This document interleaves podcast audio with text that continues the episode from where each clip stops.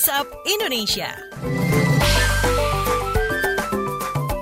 WhatsApp Indonesia kali ini kita awali dari Jakarta. Bagaimana Istana Kepresidenan menanggapi ledakan di Monas? Kita dengarkan laporan reporter KBR Dian Kurniati. Selamat pagi. Selamat pagi. Istana Kepresidenan yakin ledakan yang terjadi di Kompleks Monumen Nasional tak akan merusak minat investor untuk menanamkan modalnya ke Indonesia. Juru bicara Presiden Joko Widodo, Fajrul Rahman mengatakan ledakan di Monas tergolong kecil dan tak akan menimbulkan kecemasan di tengah masyarakat. Fajrul berkata, Istana juga tak menerima peringatan dari kepolisian pasca ledakan di kawasan Monas tersebut.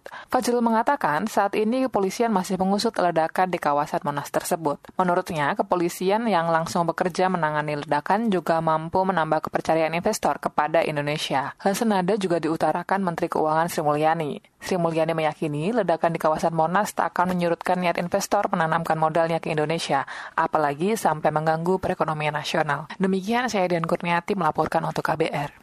Terima kasih Dian Kurniati. Selanjutnya kita menuju Solo, Jawa Tengah. Hapus stigma kelompok penyandang disabilitas bagikan karyanya di Solo. Kita simak laporan kontributor KBR ada Yuda Satriawan. Selamat pagi. Selamat pagi. Sekelompok difabel di Solo menggelar aksi merayakan Hari Difabel Internasional tahun ini dengan bagi-bagi kerajinan dari kain perca.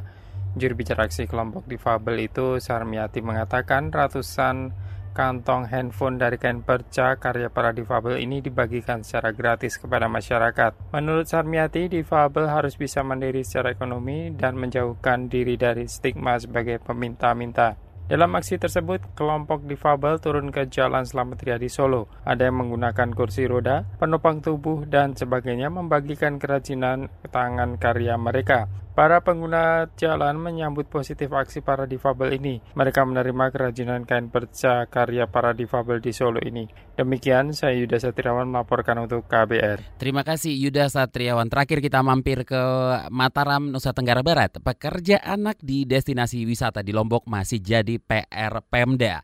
Selengkapnya dilaporkan kontributor KBR ada Zainuddin Syafari. Selamat pagi. Selamat pagi. Kasus pekerja anak masih menjadi pekerjaan rumah pemerintah daerah di Provinsi NTB, terutama di destinasi wisata seperti di kawasan ekonomi khusus satu Kek Mandalika Lombok.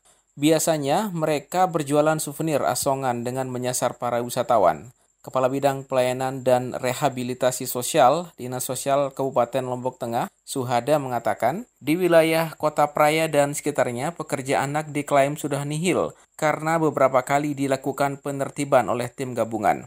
Namun khusus di daerah wisata sedang dilakukan upaya untuk menghentikan aktivitas eksploitasi tersebut. Suhada mengatakan pihaknya sudah melakukan pertemuan dengan LSM Gagas yang konsen terhadap eksploitasi anak dan perdagangan anak. Juga bertemu dengan dinas terkait, LPA Provinsi NTB, serta pihak kecamatan untuk sama-sama mencari jalan keluar terhadap persoalan tersebut. Demikian saya, Zainuddin Syafari, melaporkan untuk KBR. Terima kasih Zainuddin Syafari.